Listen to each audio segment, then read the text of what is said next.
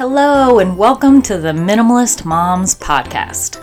I'm Megan, and I'm bringing you a special interview episode while my podcasting partner Diane is resting with her new baby at home. We are suburban moms trying to make room in our lives for what matters by getting rid of the clutter and living life with purpose. We hope you'll join us on the journey to think more and do with less. Today I'll be talking with Emily Gerde, who lives in a 325 square foot tiny house with her family. Their tiny home build was featured on the HGTV show Tiny House Big Living, and we'll ask her all about what led Emily to this decision to live in a tiny house and what her everyday looks like. Before we get to my interview today, I just want to remind you to rate or review us on iTunes. It means everything in getting this podcast out to other moms who'd like to hear this message. Shout out to Jilly Bean 1966 who says she is an older mom listening to our podcast and gains something useful from listening to each one and feels like it applies to all moms. Thank you so much for that Jilly Bean. That makes us warm and fuzzy inside. All right, and now on to my interview with Emily.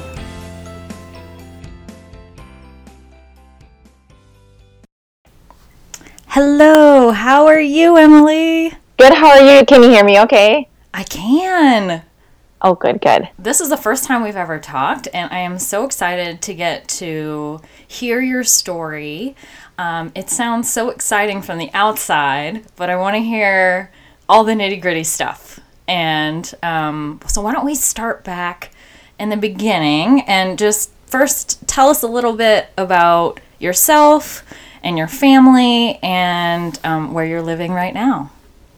Oh, I would love to. Um, we are currently living in a 325 square foot tiny house on wheels. And we have two adults, a toddler who is three and a half, four cats, and a brand new puppy. Um, we did have a large dog, but he was 13. So we sent him up to the stars, and now we got our little puppy. So it's uh, big happy family. And um, let's see we gosh we were in a 2200 square foot home um, here in minnesota. And oh my gosh we loved it. I mean beautiful five acre property. We had chickens like a 10 foot by 30 foot garden. Wow. And we were absolutely in love with it. But we didn't get to spend any time in it because i had two jobs. I was running a fully organic daycare um, and my husband was in grad school and he was working full time, and I was coaching gymnastics in the evenings as well. So, as you can imagine, we never actually got to enjoy this beautiful house. Maybe like an hour a week, we could like actually sit out after our son went to bed and kind of like look at our beautiful view. But that really didn't justify the costs that were coming along with the mortgage and upkeep. Mm-hmm. So I I kind of let my son was born about a year and a half into my daycare adventure.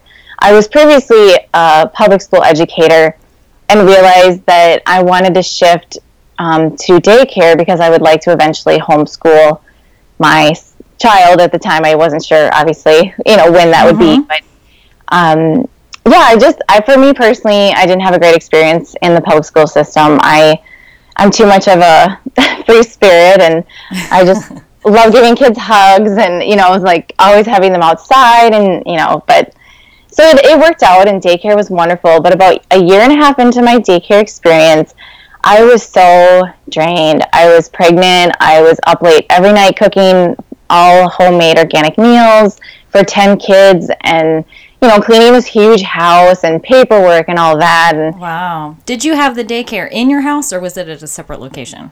Yeah, it was in our basement. Oh wow, that's a lot. That so we were lot. kind of, you know, it's kind of funny because at the time we didn't know it, but we were kind of already practicing living tiny because we had this huge house. And actually, when we first purchased the house, we had a friend living in the basement, and then we were like, now what? Mm. And like, hmm. oh gosh, let's put the daycare here because we're not using the basement. So we actually were only living in the upstairs the whole time we had our house. And we okay. still couldn't afford it. uh, so yeah, so then fast forward, I my health was starting to fail and I was I didn't know at the time, but I what I did have hyperthyroidism sort of flaring up, and my adrenals were like practically failing. And of course, at the time, I didn't know it, but wow, I was feeling miserable. I was like, oh my gosh, what do we do? Like, I'm, I'm, I'm, I'm lost here. Like, I'm so tired, and so it's you know it's funny how the world works. And my sister-in-law, we were sitting down talking about like simplifying our lives, and she was like, "Yeah, you know, we heard about the tiny house movement." I was like, "Oh no, talk, tell me about it." And oh my gosh, I was hooked instantly. Like, this is the best idea ever. You can have a house still, but it's small and it's affordable. This sounds amazing. Mm-hmm. yeah. So from there, we found out she had watched a local TV station and she was like, Yeah, there's a contractor right here in Minnesota. We're like, What? We have to go see this guy. And then um, we also on the local TV was a family who already lived in a tiny house. You're not even going to believe this, but I actually taught at the same school with the husband. Oh. So I just called him up. I was like, "Hey, remember me? Let's can I come and visit your tiny house?" So we actually got to step into a tiny house before even put like you know starting our journey, and we were we were both looked at each other and we're like, "We can do this. We can totally do this." Mm. So now, what kind of tiny house did your friend live in? So our friend's tiny house was about a 22 footer, and it um, so it was much smaller than our current one. And they had two kids and two adults, and um, I can't remember if was one or two small puppies in there. So they were they were you know, and they loved it, and they had a full size fridge and a uh, wood burning furnace, and I they had a stove top. I think a three burner or four. Um, so you know, it's like we're like, oh my gosh, this is like a house but small. We can totally do this. Mm. Now, would you and you talk to them about their experiences and what kind of you know issues they may have run into or you know so in, in talking to them you decided that that was the direction you wanted to go. Did you decide like right then and there both of you you and your husband were on the same page? You know it's funny you ask. I mean i no. I figured I mean, I know like it's got to be a joint decision. And, yeah uh, I, and it was i mean eventually it was.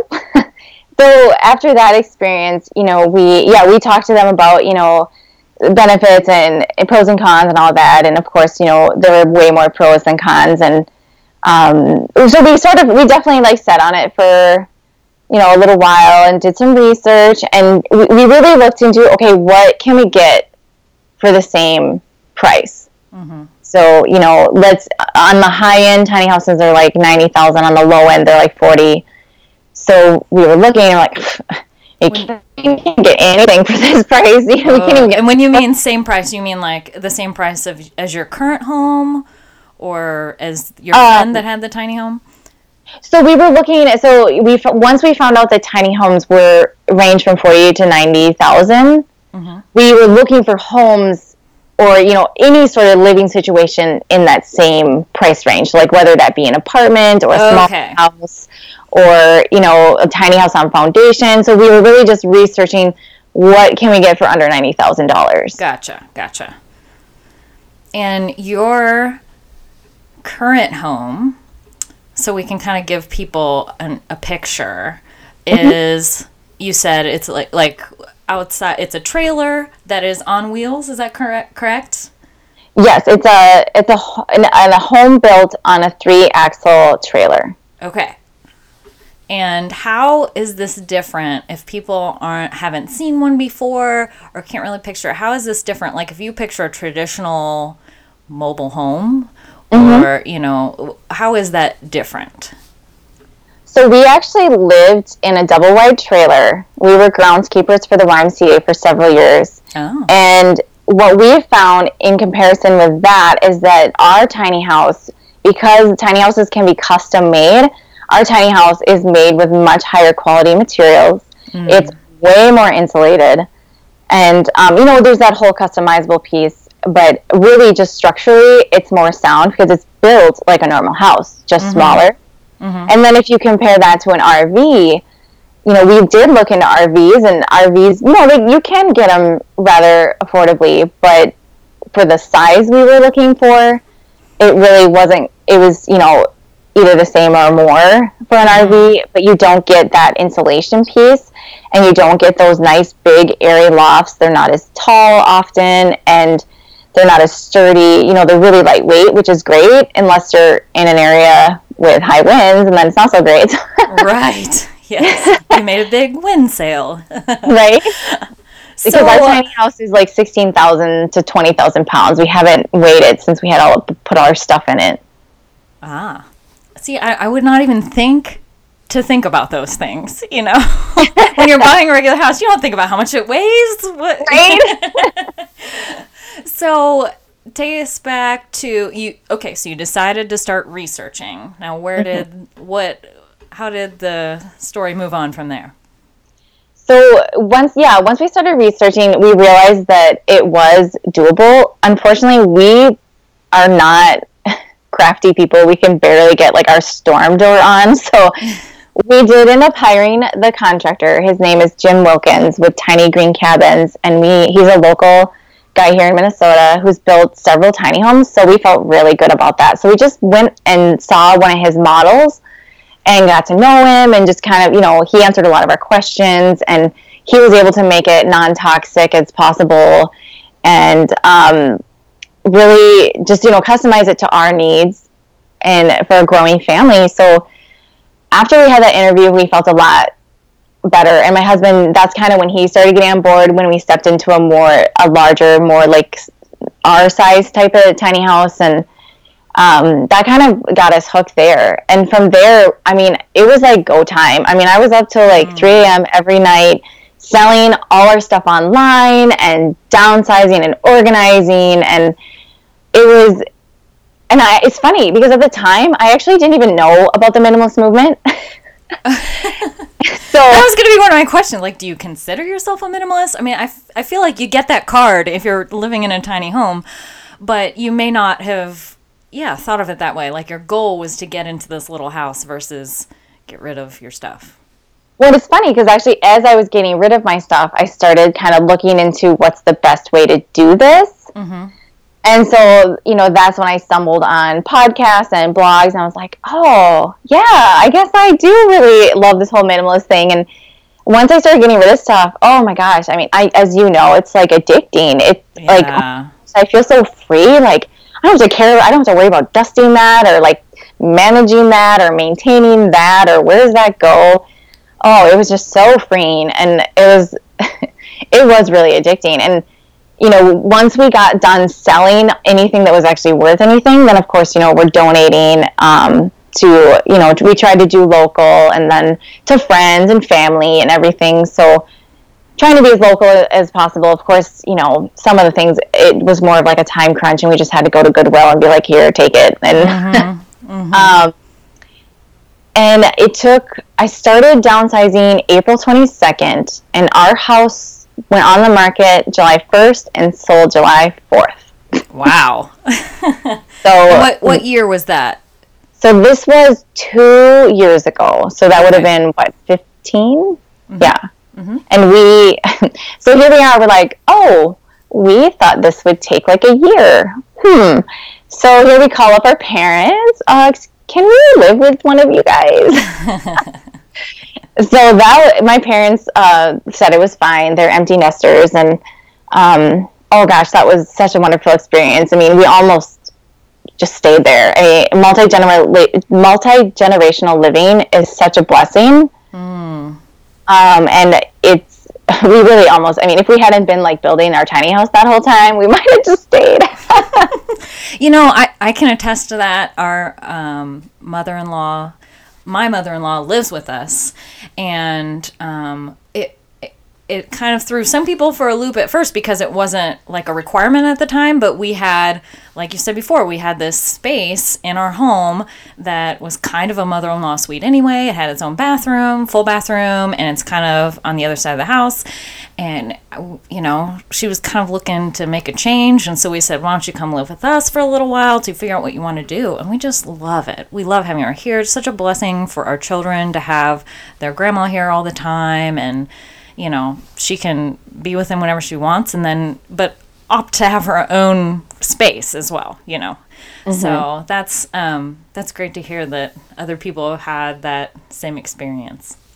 I think we forget too that historically, I mean, we lived in family groups, right? I mean, right. Yeah. having that extra help, I think our society hopefully is moving that direction because at least for us, it was such an eye opener. Like, I've been told this whole time that I need to be independent and I need to move off and do my own thing, which was also a great, important experience. But, you know, to have that sense of community and to have that help, especially as you know, with children, mm-hmm. I think we forget that, that that was our, you know, humanity has, right. you know, in other countries too. I mean, yeah, there's many cultures. countries that are like, what? You live by yourself? What's wrong with you? How do you raise your kids by yourself? Like, right, right. Good question. yes, yes, definitely. So you almost put the kibosh on the tiny house once you moved in. All right. Um, but you decided to go through with it. Um, what tell us about kind of maybe give us so people can visualize. We will put in the show notes some pictures and a link to your YouTube account so you can see Emily give a tour of her house. But just kind of maybe run through the kitchen and what's what's there that might be different that people in a tiny house that's not in a let's say average size house? Yeah absolutely. So we had the blessing that we did sell our house and we did make some money off of it. Mm-hmm. and we were able to use that to fund the entire tiny house. Wonderful. So our tiny house would be considered semi luxury and part of me felt really guilt like you know like like it was like this guilt of like well this is supposed to be like you know like simple and eclectic and i'm supposed to be like collecting things and i'm a big environmentalist so i was like oh i should just be you know getting all this stuff used but i mean the reality is, is i mean my parents loved having us there but not forever and mm-hmm. you know with a to- you know with a toddler and i was still working part-time and my husband was working full-time it's like we don't have time to i mean we would be it's a full-time job to go look for use things that fit in the space that you have. So Oh yeah. I would never even doable. consider that. I would never even think that you could find use things like that. I mean, it's such a niche thing. I, I was wondering as you're giving the tour, as I'm watching the video, like how do you find these tiny appliances? What where would you I would not even know where to go. So it's so funny. And, and as you're giving that tour, you're saying things like, this is a huge this and tons of space here and this. And I'm going, oh my gosh. Most people would be like, really? Tons of space? but if you're comparing, I know, to other tiny homes or other small living spaces. But yeah, yeah. So you yeah. have, like, as you mentioned, you have, I think you had a three quarter size fridge and freezer, yep. right? Yep. And we have a half dishwasher and that fits about six place settings. And then we have a full size double sink. Um, we have a let's see, I think it's 22 inch oven and four burner stove top. And honestly, you know, it fits all my regular pans that I did in my bigger oven. So we haven't noticed any difference there. I mean, the burners are closer together, but we're never cooking more than two things on a stove top anyway. So mm-hmm. that works out fine. Um, we have washer dryer dryer combo. So it's a washer and a dryer. We don't actually use the dryer cycle. We tried this winter, but it takes three hours because it's ventless. Oh. So we oh. just line dry, um, and that works great for us. And honestly, they smell better, and they the sun takes the stains out for me. So mm-hmm. it's we we love that. We have a full size shower. And here's the fun part, right? Everyone's like, "Ooh, what about the toilet?" You know, yeah. like That so we do definitely have one of my questions. right? And well, and it's and I, I get it. I mean, it's it's it's a big thing. I mean, that's why some people choose not to live in a tiny house um, versus an RV because RVs usually you get the flushable toilet, mm-hmm. and we do have composting toilet. And um, you know, I do have a. I think I have a video on it. If not, I need to make another one. But it's not. It's not gross. I mean, it's no like so. You know, like for those who have cats, it's like human cat litter. Like you, it's you know the smell's gone because it's all covered. We get coconut coir because coconut coir is sustainable. Some people do uh, peat moss or wood chips. Um, but we find coconut coir molds less, and, or well, it doesn't mold at all, and um, it just sort of you know it's just you stir it and it just kind of there's no smell it's not gross. You when you empty it out it just smells like coconut coir like earth you know like any other mm-hmm. compost type material would smell. Mm-hmm. um, and so you know nothing on your hands and so you have uh, from what i remember so this is a composting toilet is what it's called. Yeah and that means that nothing flushes right? Yes and you have it, there's a sef- separate basin for like solid waste and liquid waste, right? Correct. Okay, so you would like have to dump those separately. Yes. And just kind of monitor to see how full they are or whatever. Yes. Um, and then and it has a vent. It has a vent, so okay. it's it's being fanned outside. The smell. Right, and there's but no there really isn't much smell. and you're not supposed to put toilet paper in the, there, right? Well, people do. We oh, okay. choose not to because it just makes the composting more efficient and you have mm. to change it less because you can imagine, I mean, you add toilet paper to the mix, you just have to empty it more often. Gotcha. Gotcha. So that has not been for you. You feel like it hasn't been a huge shift. I bet you have to deal with so many other shifts that that's minor. would be my guess. Well, and you know what's funny because again, like the environmentalist in me is like, this is awesome. Like I am not going to the bathroom in water that I could be drinking. So, because even as a, like a teenager, I always thought that was weird. Like we're mm. we're using the restroom and we could be drinking. Everyone says we're short on water, so that makes so sense. Kind of, I've not I mean, thought I, about that before. But you know what? I get it because I mean, when you for one person, yes, but I understand like as a citywide, like, that could turn into some sort of health issue. But mm. you know, there's people out there making strides in trying to come up with solutions, but oh. it works for us. so you have four cats. Yes, I brought two to the marriage, and my husband brought two to the marriage. Yes. So what do the cats do? Like, where do they live, and where's their litter box and all that? Oh, the cats are in heaven. Um, they actually like the tiny house more than the big house because we installed a cat door that um, that leads them to their own special playpen that's like uh, mesh. So they have been outside for the first time in the tiny ah. house. Oh, so the the playpen's kind of is outside of the actual house proper. Yes. Ah. Yep. So, yep. And so then that door locks in the winter, so we can insulate it and close it up so they can't that air doesn't come in. But the rest of the year they're in heaven, and they have um, we purposely designed our home so that they had their own place to escape. Um, so they have right above our bench. So you walk in and there's this 10 foot bench.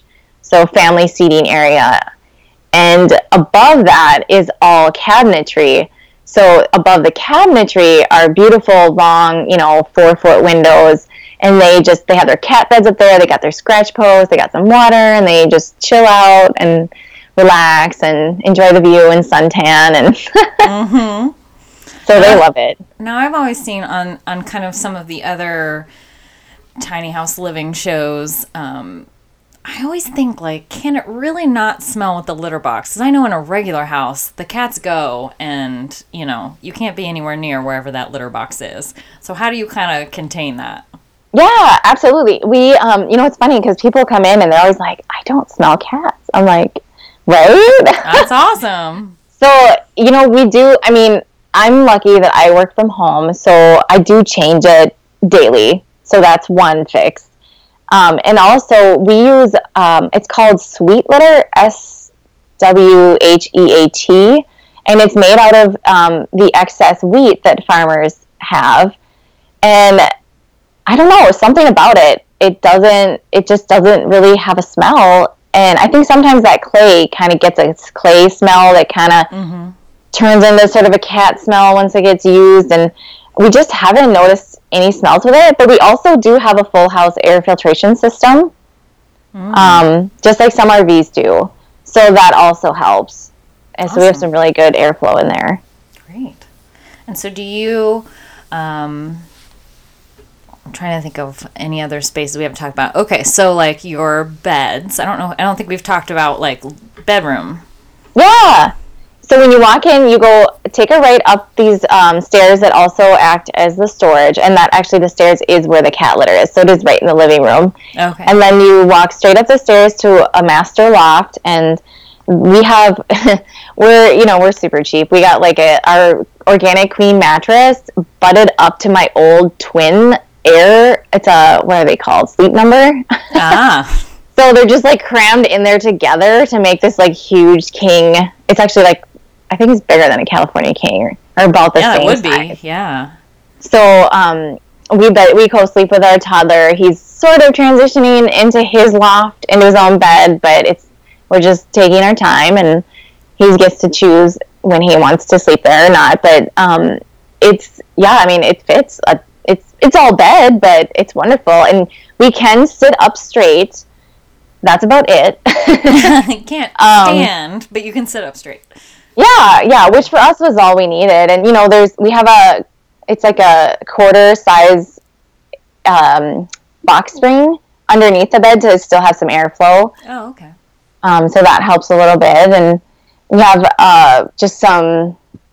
I don't like plastic, but we really we felt weird putting like dragging this huge heavy dresser up to like hang over our heads in the loft. So it's just a plastic dresser with all uh, you know Wyatt's clothes and our son's clothes and some sweatshirts and some extra bedding and that sort of thing. And so you have two loft spaces, one for you and one for your son. Yep. Um, and where where do you keep your clothing? Is it in that dresser, or do you have like hang up space? Yeah, and our clothes our clothes are kind of all over. So part of our clothes are in our bedroom. Part all the shirts are hanging up. My shirts are in the bathroom, which was a designated area for them. And then my husband's shirts are right outside the bathroom. So we just kind of, you know, we designed our home to fit everything in the bathroom. But we, as we sort of, you know, as you move in, you sort of move things around. So we realized like that space was better utilized for like cloth diapers and like you know just kind of like toiletry things and like we have a mm-hmm. little mini vacuum we use for the litter to in case it spills everywhere so those kind of like a space for a space heater so that kind of transitioned into that area and then our clothes sort of moved to other areas. But you know it's really funny. We actually have empty uh, cabinet and drawers and we have underfloor storage. So we have the they you know my contractor calls it a smuggler's hole so you lift them up and like the hole underneath the floor is just empty. So we have stuff our seasonal clothes we rotate through there so i, I you know and that's what i appreciate about listening to your podcast is being a minimalist doesn't mean get rid of everything. I'm not going to go around in my backpack right? Like i have to look professional sometimes. Sometimes i need to be a grub in my garden and other times you know i need to be somewhere in the middle. And then we live in minnesota. So we have four seasons worth of clothing. And you know we didn't we got rid of a ton of clothes but we still have plenty. I mean we're not down to like sh- like four shirts and four pants. You know we have a lot. We have i actually do need to get rid of some more just because it's like oh I haven't worn that in a year. Time to get rid of it. So um but yeah we we definitely like it, it's pretty funny that we have empty drawers. Like huh. That is that is hilarious to me. Like, so you had downsized so much that you you um, in anticipation that you didn't even fill all the storage. That's amazing. Well, I do have to say, I do. I haven't moved in my son's homeschool curriculum yet, um, just because I need to organize it first. But there's plenty of room for it, and um, we actually, you know, we still are going. We're still going through stuff in our tiny house. And be like, mm, I don't use that, and I don't use that. like, Mm-hmm. It's it's funny how you really just start realizing that you really don't need much to be happy. Yeah.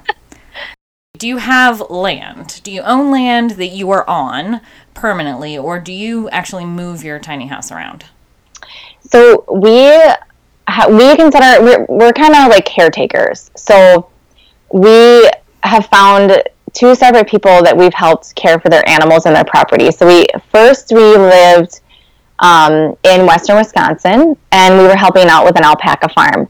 But my husband's commute was about an hour one way, and we were like, okay, we did this whole tiny house thing so we could have more time as a family. And two hours of you commuting a day does not make sense because that's yeah. not, you know. That's rough so, in any situation. Right. So mm-hmm. we actually did. We were only there for a couple months, and we we moved um, to south of the Twin Cities, and he's now only 20 minutes from work, which has been such a blessing. And we take care of their goats and cats and chickens and their yard and garden and everything. So it's kind of a like you know hobby. We've been kind of having a lot of luck with hobby farms because people need some help, but not enough that it's like overwhelming. And I enjoy that stuff anyway. So that's been a huge blessing. And uh, eventually, we are going to build a tiny house community. Oh. And that's really my goal in life is we because like I know you had said we had emailed back and forth, and that is a huge concern. And a lot of people don't want to build tiny houses quite yet because all the laws are so up in the air right now mm-hmm. that they're kind of waiting until things settle and kind of have some sort of grounding. And right. I completely understand that. Um, and we just haven't been. Oh, go ahead. Oh, I was just saying because I, I can, from what I understand, the issue is more like, you know, your house is beautiful. And I don't think anybody would really I don't know, some people may. But I feel like in general, people are like, oh, sure, we could have that house in our neighborhood. But, you know, your house, you, there's no other distinction between, say, an RV or a, a mobile home or a trailer park or whatever and you know it's they can't really say well yeah you can have a tiny home community but it can't have xyz in it. There's just no yeah there's no precedent for it. And so people are afraid when they hear that that it's going to be a blight on their community. Right. Um, and also I, this is interesting um, from the standpoint of uh, just as i started looking into kind of tiny house living is like one of our friends is has bought a a plot of land and was going to build not a tiny house, but a smaller house, uh, right. a 1,200 square foot house onto this plot of land. And their their plans were rejected. They said it has to be at least 1,600 square foot. And what? Like, yeah, they're like, why? We don't want that extra. You know, we have to pay more money to build this extra space that we don't need. Right. Um, and it's in a yeah, and it's in a neighborhood where there's all kinds of sizes of homes, and they were they were just yeah they were just couldn't believe that. So I think there's there's a lot um, there there are some hurdles in just yeah different laws and cities and and them trying to figure out what to do with these tiny home things. and they are allowed, you know, once you get like an hour or two out of a big city, they often are allowed, but usually the minimum requirement is around 800 square feet. And so some of our acquaintances that are in tiny homes have gotten around that by building like a three season porch. Hmm. So okay. that's an option too. Um, we just, we're kind of in the mindset of like, we eat 100% organic food, non GMO. We see holistic doctors. Um, and we you know those things aren't in those small towns. Right. and i guess like that's where my kind of passion came to create these tiny house communities and make them beautiful and not make them an eyesore. And you know mobile homes have their place and it's affordable housing but i want to create you know something an affordable housing for people that is beautiful. And you actually have your own space. You have you know you're not looking into your neighbor's window. Mm-hmm. so, Are you envisioning kind of uh, community gardens and you know communal living spaces or not living spaces but green spaces i guess um, in this like what's your vision yeah absolutely i yeah you know it's funny i i've stayed up so many nights like drying it out and actually we tried to to build one in steamboat and they just couldn't get the city to build it more than 45 minutes away from the city. And like, well, that defeats the whole purpose for young families. Right. So we have, um, yeah. So so we're thinking kind of like a circles. My inspiration is the Venus Project. Um, it's on YouTube. It's a this um, gentleman. I, I he's I can't remember if he already passed away this video is older, but he's he was you know when he did this video he was probably like seventy. this guy is just an absolute genius, and he designed these cities that are circles.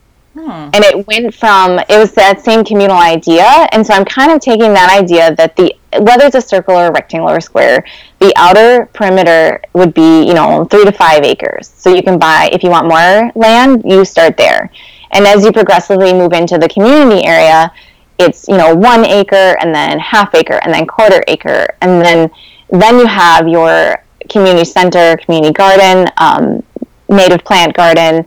You have um, you know, like a shared garage space, a shed type of thing. You have a playground, a sandbox, you know, you can rent out bikes and rent out strollers or whatever you need. There's kind of this whole communal sharing idea. And I was hoping to have kind of a little mini library and places to study, maybe shared washer dryers. So really like yeah, like I mean everything you want, but to have the choices of the size of property. And that's what mobile homes are missing and RV parks are missing mm-hmm. is really that space because you're not going to make the money off that space. And that's where I'm like, oh, well, how wonderful. I'm already used to living on practically nothing. So I don't, I'm not in it to make money. I'm in it to make a beautiful space to live. So oh, I'm really excited to network. Um, we have some networking going on and we're going to try to get some grants from like Tesla and any solar company we can find and I'm really I'm really looking forward to it. There's a lot of grants out there and there's a lot of opportunity for, you know, sustainable communities, so we're we're excited. We're working hard to network. that sound that just sounds heavenly. That kind of walkable community where you can get everything you need with that, without having to get in a car and go or and um, yeah that's that just sounds great to me so for people some people may be listening to this and be thinking there is no way that i could live in a tiny house and i know that diane and i are our philosophy has always been that anybody can be a minimalist no matter your stage in life, how big your home is, how small your home is, you know, whatever your position, um, you can always either. Uh, you you can always kind of shape your life around what you only truly need. So, for those people out there who are like, okay, 325 square foot is not enough for me. But what kind of tips would you give them for downsizing their current life in whatever size home they live in? Yeah, I'm so glad you asked because you know that is like that's I think why I felt really drawn to your guys' podcast is I, I feel the same way and for our family we emotionally and spiritually and you know financially just we needed this huge shift like mm. that was just what we needed but that you're absolutely right. I mean, there's I guess like our new sort of idea is living within your means. And for us, this was the only way. And we're still, I mean, we're still trying so hard to live within our means with our, you know, organic diet and holistic doctors and just the love of travel. We're, hmm. we're even still, you know, trying to find ways to minimize our debt and costs and everything. And I think the biggest step for us was just realizing, you know, we've made mistakes in the past in our 20s, as most people do, and with our spending our money, we, we didn't have good guidance on that. So just getting yourself in a place where you're living within your means, whatever that means to you, was a huge step for us. And that's where the minimalist life really comes in handy because we were able to sell a lot of those things. And for us, it was okay, first of all, let's start with something we haven't used in a year. And that was the easiest way to get rid of stuff. Mm. And I, I think the second step for us was when you are trying to downsize and get rid of things, be patient with yourself and take it in, you know, take breaks from it. I think the over, I think people get so overwhelmed. I'm sure you could attest to this. Is oh, yeah. you know, you look at these heaps and piles of stuff and you're like, oh my gosh, what am I going to do? And you feel like you have to like finish it that night. And we learned the hard way to take it in steps, take breaks. You know, for example, I worked on my photos for a couple months and then I was like, okay, I don't, I'm not into this right now. I'm not feeling it. Let's move to the clothes. And then when I got sort of overwhelmed with that, then I would switch to something else. So just being aware and just being mindful about how you're feeling. If it starts feeling emotional, take a break. It's not like it has to get done this second. And another thing for us was the memories. And this was hard because we've traveled quite a bit. Um, I, we've been to Kenya together as a couple. I've been to Guatemala. My husband's been to, um, oh gosh, I'm blanking now. I can't remember. Somewhere in the Middle East. Okay. oh, you know, mom brain. um, so we have like all these memories and these like, you know, artwork and memorabilia and t-shirts and stuff. And I think the biggest epiphany for me is that just because I'm getting rid of the item doesn't mean I'm throwing away that memory. Mm. So that was really important to us because it took me so long to get rid of some of those things. And I still kept, you know, from each trip, I kept one thing. And that was enough for me to kind of hold on to that memory. And even photos, you know, it's so funny. You go through photos and you feel like you're throwing away memories, but once you actually like sit down and go through them, it's like, oh my gosh, half of these are blurry. the other half is like old school photos for sure. Right? Yes. And yeah and in the digital world now i mean now like i'm sure you many people do this as well. Like i don't print out photos anymore. I make those books. Mm-hmm. so it's like you know you've got thousands of photos in one book instead of all these photos sitting in boxes. But yes. um, yeah definitely like you know be gentle with yourself. I think sometimes and there's so many there's all these really great things you know like 30 days get rid of 30 things and there's all these fun challenges and stuff. And if that vibes with you go for it. For me it was like i'm such a like oh this is my memory. I can't give it up. So for me the slow gentle approach was much easier. That's good. That's such great advice. And i love that you recognize that everybody has different everybody has different personalities, different things that move them and don't. It might be really hard for somebody to get rid of the memory box of whatever it is and for other people they don't take many photos at all so they don't care. Uh, you know whatever it is um, everybody has those hang-ups. So for those of us who say i can't live in a tiny house here's what i tell them. When we were looking into tiny house living we read a study and i oh, it's one of those things where you're like why didn't i write this down but I keep I'm going to keep searching until I find it. There was a study done by some university where they did heat sensors in the average American's home.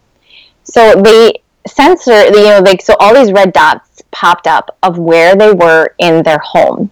Mm-hmm. And I can't remember again, I wish I could find it. I could not remember the exact percentage, but when you see these red dots, I mean, kitchen, one bathroom, one or two bedrooms, and one of the living rooms. The rest of the house was not used, or if it was used, it was only used like, you know, 5% of the time or something crazy like that. Mm-hmm. So you're using so, the average American with these, you know, three story homes were, are only using so little. And once I read that study, I was like, well, gosh, I'm heating and cooling and maintaining and dusting and cleaning all this space that I never use.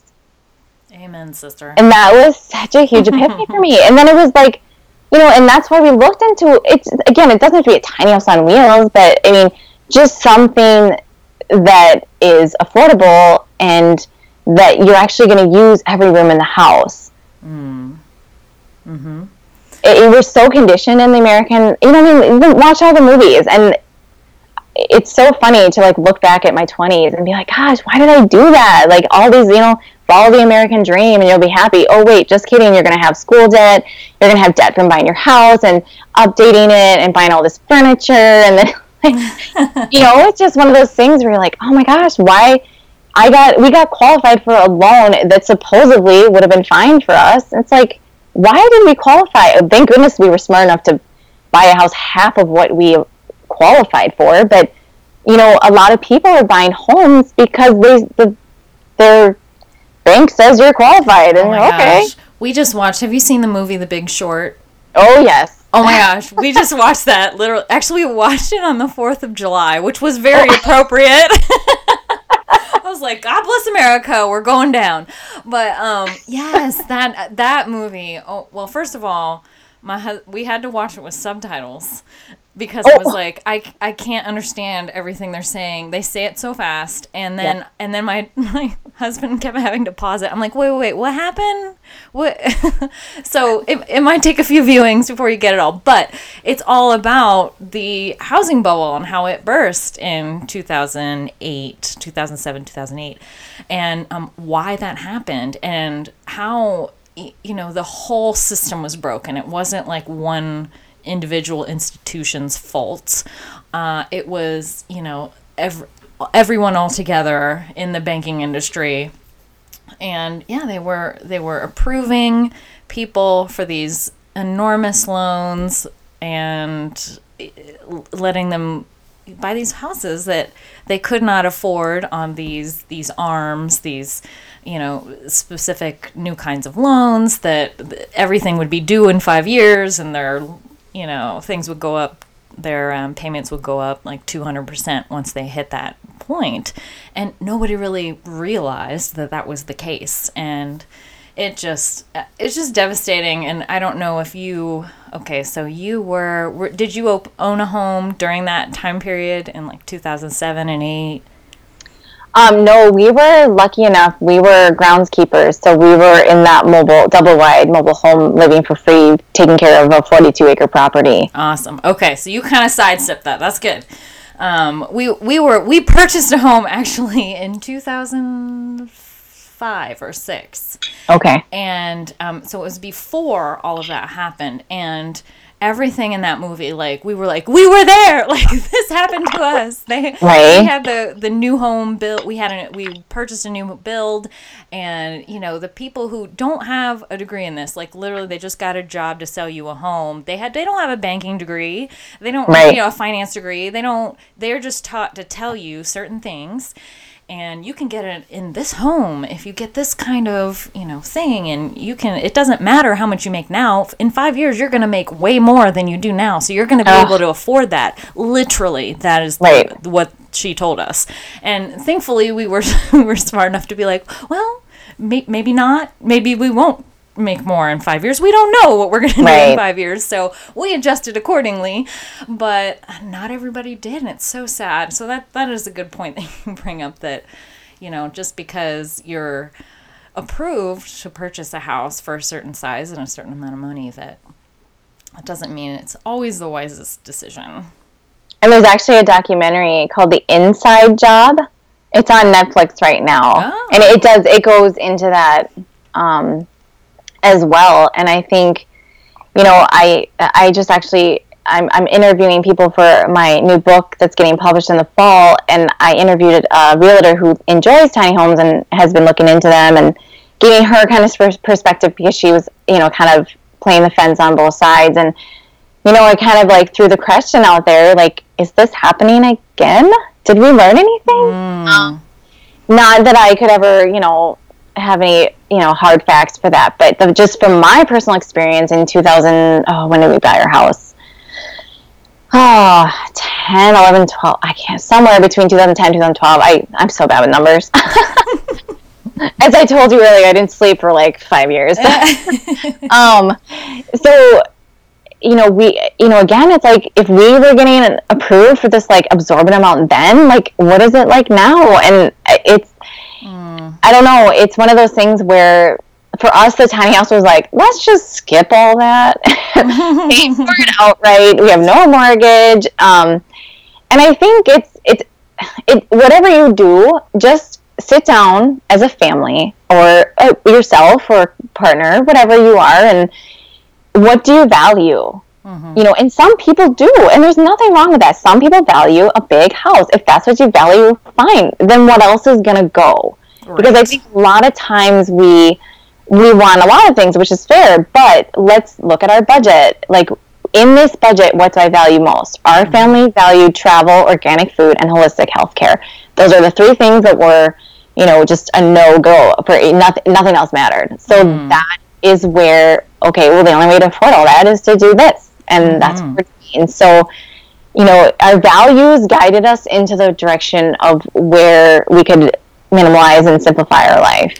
That is so smart, so smart. And I just want to go back. You dropped a bomb on us. A book? You're writing a book right now. Tell us about that.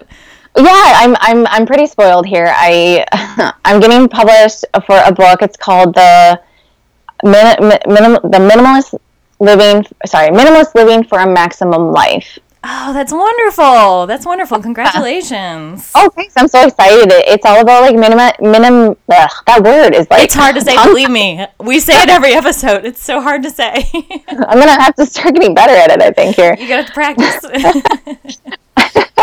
it's minimizing everything in your life. So, toxins, stress, you know, stuff, clutter. So, kind of just like a really holistic, encompassing thing because you know the tiny house thing is a part of our it's a huge part of our lives and it helped. Again we needed that. Like we i probably wouldn't have done it on my own as far as like if we were in our big house. It would have been really hard for me to have like empty space because i'm one of those people that's like oh i need like a vase there and a picture frame there. I don't want it to look mm-hmm. empty. Right, so right. having the tiny house for me was kind of that push i needed. Um, but you know again it's just we've learned so many neat tricks and it's it's so different for everybody but once we started the whole space once you kind of like free your space of clutter and stress and anxiety which there are studies that show clutter creates anxiety and stress and all these other things and once we got rid of clutter we were like oh my gosh this whole like everything like opened up like wait a minute we can minimize other things in our lives. And mm-hmm. we're down to like, we use vinegar, baking soda, and um, hydrogen peroxide. That's our cleaning. That's it. And maybe some lemon essential oil in there. I mean, we've found so many fun ways to minimize and save money. Because especially we're spoiled, we don't have that much student debt, but a lot of our friends have a lot of student debt. And mm-hmm. to find the ways to help them, like, hey, we'll just try this. This is super cheap and non toxic. And so that's sort of what inspired me to write this book is like wait a minute there's more than just stuff. There's other things in your life that you can minimize and make it everything in your budget and just be this you know mind body soul can be healed with all these fun techniques. So i'm excited. I'm, oh, I'm really excited. That's amazing. You'll have to keep keep us informed and and we'll be looking out for that book. That that sounds fantastic. I can't wait to read that. That's great Oh well, thank you. That was mm-hmm. kind of me. First time author. Well, it'll be a fun adventure. yes, as with everything, right? yes, yes. Awesome. Well, we are kind of nearing the end of our time here, and thank you so much for taking the time to talk to us about your tiny home and all your lovely dreams for the future and maybe we'll find ourselves in a tiny home community down, sometime down the road. Right? That would oh, be amazing. we would love to have you. well, and I so appreciate you having me. I mean, I think I just want to say thank you so much for, from a mother's perspective, I feel like moms, we're in a place where moms need a lot of healing and they need a lot of support. And I really appreciate what you guys are doing. And I really resonate with it. And keep up the great work and oh i'm just so honored to be on your show. Oh oh thank you. Thank you. That makes me feel good because you know you as with anything mom you always feel like you're kind of toiling by yourself and you you don't often get positive feedback. So i really appreciate that and um, just thank you so much for for your time today.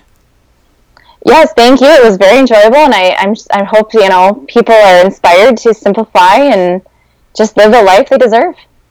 awesome. Thanks so much. You have a wonderful day. So, what do you think, guys? Are you super excited to pack up your bags and go move into a tiny house now?